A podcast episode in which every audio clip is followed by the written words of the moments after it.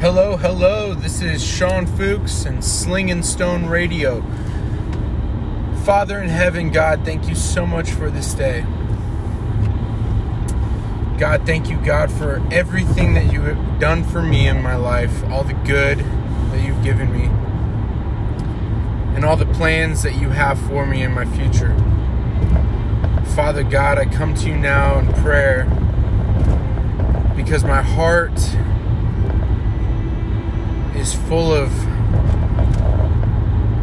excitement and joy for what you have in store for me. But it also has it also has guilt, shame, and sorrow. So Father God, I give that to you now. Father God, forgive me for the sins that I've committed. God, you know my heart better than I do. God, I pray that you would grow within me and fill my heart with, with the Holy Spirit. Father, I pray that you would grow in me the fruit of the Spirit love, joy, peace, patience, kindness, goodness, faithfulness, gentleness, and self control. Against such things there is no law. Thank you, God. I pray this in the name of Jesus. Amen. So I'm going to talk about what I just prayed about. Galatians chapter 5, verse 22 and 23 is a letter to the Galatians from the Apostle Paul. And the Apostle Paul is talking about the fruit of the Spirit. And previously, right before Galatians chapter 5, verse 22 and 23, he's also talking about the sins of the flesh. But I'm going to talk about the fruit of the Spirit and what that means. When you plant a tree or a berry bush or anything that bears fruit or vegetables or you know that it's something that takes time to grow. It takes sunlight it takes water it takes soil that is rich full of nutrients. Just as plant grows, so do we grow in the Holy Spirit. And when you give your life to Christ, you know there's a lot of there's a there's a lot of uh, confusion sometimes between um, what the Bible says that we are saved by grace alone, not by not by what we do, not by the works. That's what the Bible calls it, not by our works. So it is not by our righteousness or our self-righteousness or um, our abilities, our talents, our uh, des- desires to do good on this earth that brings us to salvation through Christ. It is only through Christ that we are saved. Um, but not only saved, the Bible also says that faith without works is dead. So you might sit there and go, well, well, hold on. Didn't the Bible just say that we are not saved by our works, but we are saved by grace? Yes, the Bible did say that. Well, then why does the Bible also say that faith without works is dead? Well, because we're talking about two different things. We're also talking about two different timelines, okay? Two different, if you take a, a timeline and you got, you know, a sequence of events that occur, just like a plant being planted in the soil, a seed is pushed pushed and thrust into the soil. It is covered by more soil. It is watered and then it is left out in the sun to to germinate, to grow, and then to continue to grow, and then to eventually bear fruit. Just as it is when we give our lives to Christ, it is through grace that we are saved through Jesus Christ. But then also, there is evidence of our salvation through the fruit of the Spirit, the fruits of the Spirit that show up in our life. And when when it was said in the Bible that faith without works is dead,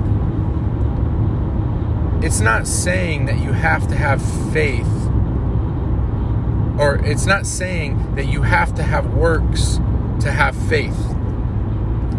And it's not saying that you need to go out and be righteous in order to have faith and and or to be saved. But what what the Bible clearly does say is that in in this passage is that when you are saved and when you give your life to Christ to expect fruit. When we plant a seed, an apple tree seed, and we wait the 20 years that it takes for this tree to grow and and finally produce a fruit, we expect that fruit to be an apple, right? If we plant a, a seed and this tree grows and then we notice that instead of apples it has pine cones, or instead of apples it's growing rolls of toilet paper, or instead of apples it's growing, uh, let's just say, uh, what's what else is funny? Um, you get the picture. Then we look at this tree and we look at and we, and we wonder, well, that doesn't make sense. Maybe it wasn't an apple seed after all, right? That's what we would say. So then when we look at our lives, you know, when Paul talks about this in Galatians chapter 5, verse 22 and 23, he says, The fruit of the Spirit is love, joy, peace, patience, kindness, goodness, faithfulness, gentleness, and self control. Against such things there is no law. Other than these things, there is nothing else there is no other standard when you are living your life in Christ Jesus than that of the fruit of the Spirit. There is no other, there's nothing else to look for, really, is what he's saying. So when you become a Christian and you give your life to Christ, you open your heart and you accept him into your heart, you confess with your mouth that Jesus is Lord, you you you confess that you are a sin, sinner and that you you and you realize in your heart that you know what I need you. I surrender. And it's not a bad surrender, it's a great surrender. It's an amazing it's a it's a it's a real realization. and it's the way it's always been. It's, it's written on our hearts. That's the Bible says that that it is written on our hearts that God is written on our hearts, that salvation is written on our hearts, that all of creation and everything, it's written on our hearts already. It's it's already it's already ingrained in our soul and our spirit. so when we come to this realization, it's almost like like what you what you hear in in uh, the famous "Amazing Grace" song that um, I once was blind, but now I see. And and I and I do I, I do not find it strange or unusual or, or random that Jesus put his hands and and and, and cured the blind when he was here walking around on earth with the with uh, with the uh, disciples and the and the um, apostles, or excuse me, the the twelve um, the twelve apostles, the twelve disciples, the twelve, the twelve. I'm, I'm, missing the word. Anyways, you know what I mean. Um, uh, when he's walking around healing the blind, so that they can see. I don't find that random. It's like we're being revealed, it's revealed in us that what we already know. So when you you give your life to Christ, you surrender, then what's next? You look for the fruit. Okay? I'm looking. I don't see any fruit yet. I still have I still struggle with patience. Okay? I still struggle with anger. I still struggle with being kind to people. I still struggle. You know, I'm going to say something about my wife. One of the things that I love about my wife, I, I, there are many, many things. But the one thing that I think I love the, the most about my wife is that there's something about her that everybody loves her. And I literally have never met anybody or ran across anybody or experienced, you know, here I've never heard anybody say anything in any way about my wife and them not liking her. So you know, that's something that she, she has a gift. You know, being kind to other people is actually not easy for me specifically me, it's not always easy. Because, you know, we get caught up in being selfish. And that's the one thing I think Anna really excels at the most is how selfless she is. My wife. She's selfless. And uh and that's that's really the root of all sin is all about being selfish it's being, you know, wanting to be God myself, be God of my life, be in control of my life, be in, be be God of my future, be God of things that I can't control, be God of my finances, be God of my of my family, my my my children, be God of uh, my friends. That's really the root of sin. Is is this is this overwhelming uh, selfishness. And and you see it, you can see it everywhere. we are we are completely, especially in this country, but all around the world, we are completely drenched in this sea of selfishness. So that's what God has revealed to me through His Word, through prayer, God has shown me that hey, you're not you're not very kind and that's not good. You got to you got to be more kind. But it, it it wasn't something that I need to work on. It was something that God is changing inside of me. When I pray to God, I ask him, God, would you remove the self selfishness in my life? I want less of me, more of you. Father God, next day, Take away the selfishness in my life. Make me selfless, Father, in the name of Jesus. Next week, Father God, I pray that you make me selfless. That God, you would take the selfishness away and that you would make less of me, more of you, Father. Now, am I waking up in the morning going, okay, I got to be more kind today? I'm going to put all the effort that I can put it, I'm going to be so kind to people. I'm going to get out. I'm going to say, God bless you to everybody. And I'm going to give people so much kindness. And I'm going to try so hard. No. That's, I mean, that's all great and dandy. But again, that's you trying to be God. You need to understand that God's power penetrates all things, including you and your heart and your soul and who you are, your character to the very essence of your existence. That the power of God can change all things. That His grace, His love, His mercy, His desire to see you succeed and also to grow in the Spirit and to receive Christ's righteousness,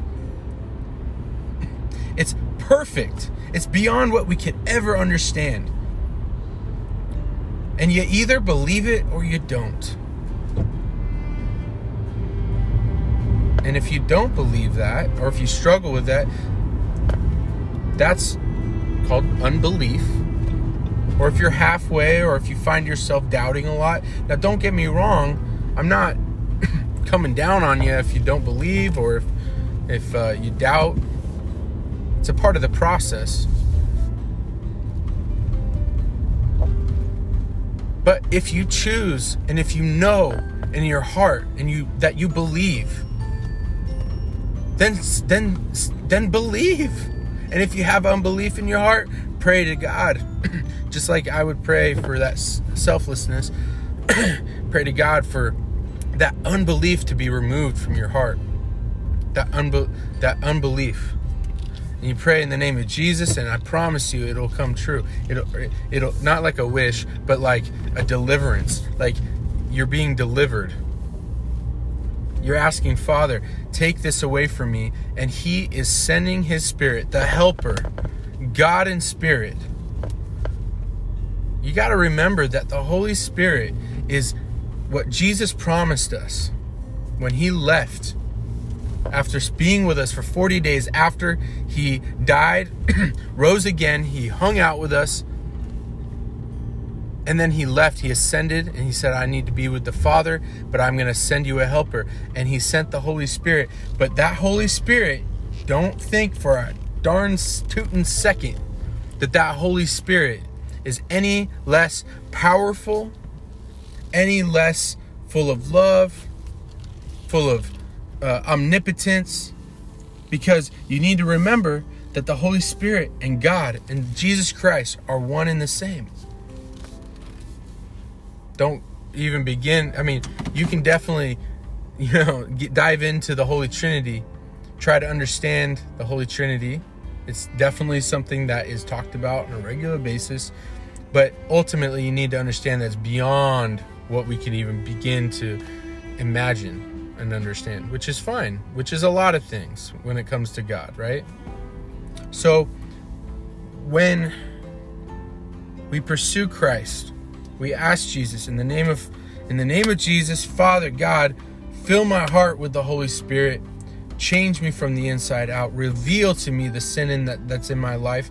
Help me, Father, to strengthen me, uh, strengthen uh, my heart and strengthen my will to obey you, Father. And above all, be glorified in all the good that comes from this righteousness in me, which is from the Father through Jesus Christ.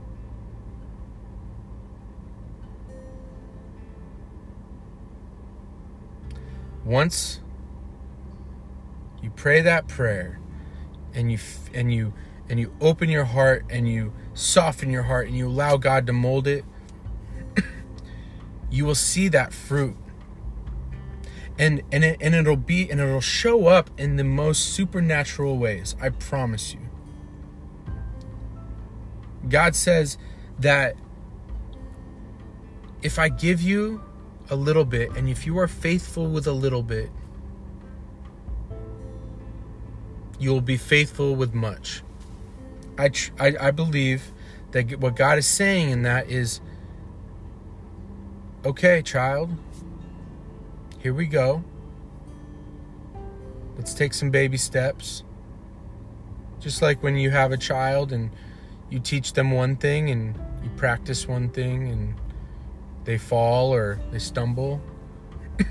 you stand there and you watch them and you encourage them and, and, and you give them what they need, but you challenge them. Right? I used to take my son when he was uh, almost two years old. When he first started walking, it might have been before that. I, it was definitely after one years old, before two years old. So I used to take him to this mall that would that was like a circle and uh, he just started walking and i would take him and i'd let him walk and he would plop on the ground and he would look at me and he'd have this look on his face like, help me up. Now, when he first plopped on the ground, I just kept walking. And I would look at him. And I would get about maybe five feet away, which is like a mile to a baby, right? And he uh, he would have this look on his face like, whoa, whoa, whoa, whoa, what are you doing? Where are you going? And, and like like dude like no you don't get it. You're my dad. And i would look at him and say it's okay buddy. I'm right here. I can see you. Don't worry. These five steps they're nothing to me. I know i know it's a little scary for you but it's okay i'm here. And i won't let you go. And he'd struggle and he'd try to wiggle his way back up onto his feet awkwardly and then he'd maybe tumble again and look at me like dude come over here. Pick me up. You've always picked me up and now you're not picking me up. Gave me this look like dude dad what's going on? But i said it's okay jonathan. You can do this he would struggle and wiggle and struggle and wiggle and wiggle and struggle and eventually he'd wobble, be on his feet again, wobbling, halfway bent over. And then I'd take, I would take a step. To, I remember this so vividly. As soon as he'd get to his feet, I would take two steps toward him. Because, and I would say, "Good job. Now come here." And I, I met him halfway. I see. You see, God does the same thing to us. He knows that we're scared sometimes or we have got challenges in front of us that are confusing that they don't make sense or but god he's you know what is a mile to us is only five feet to god. And he's going he's looking at you. He's it's okay. Right? So we grow through the challenges through the through the uh, the testing, the tribulations, the trials, the things that God allows us to go through. And he reveals in us the sin that's in our life. And and we grow to hate sin and love more God and want to know more about Jesus. And then we love Jesus. And then we want to get closer to Jesus. And we want more of the Holy Spirit inside of us. And then we just we're just full and, and then all of a sudden we forgot about the sin we forgot about it because because I haven't sinned in a month all of a sudden. The sin that I've, I've struggled with for years. And then all of a sudden, it's gone. Because I prayed and I asked Jesus to take it away. And I believed that He would in my heart. And I just grew. And, I, and all of a sudden, I wake up one day and I realize it's been over a month. It's been two months. It's been three months. It's been a year. And now it's just like, oh, that was something from my past. But but by that time, you're already on to the next thing. God's already revealed to you the other thing that is going to be purged from your from your life that is going to bring bring you closer to Jesus, more righteous through Christ.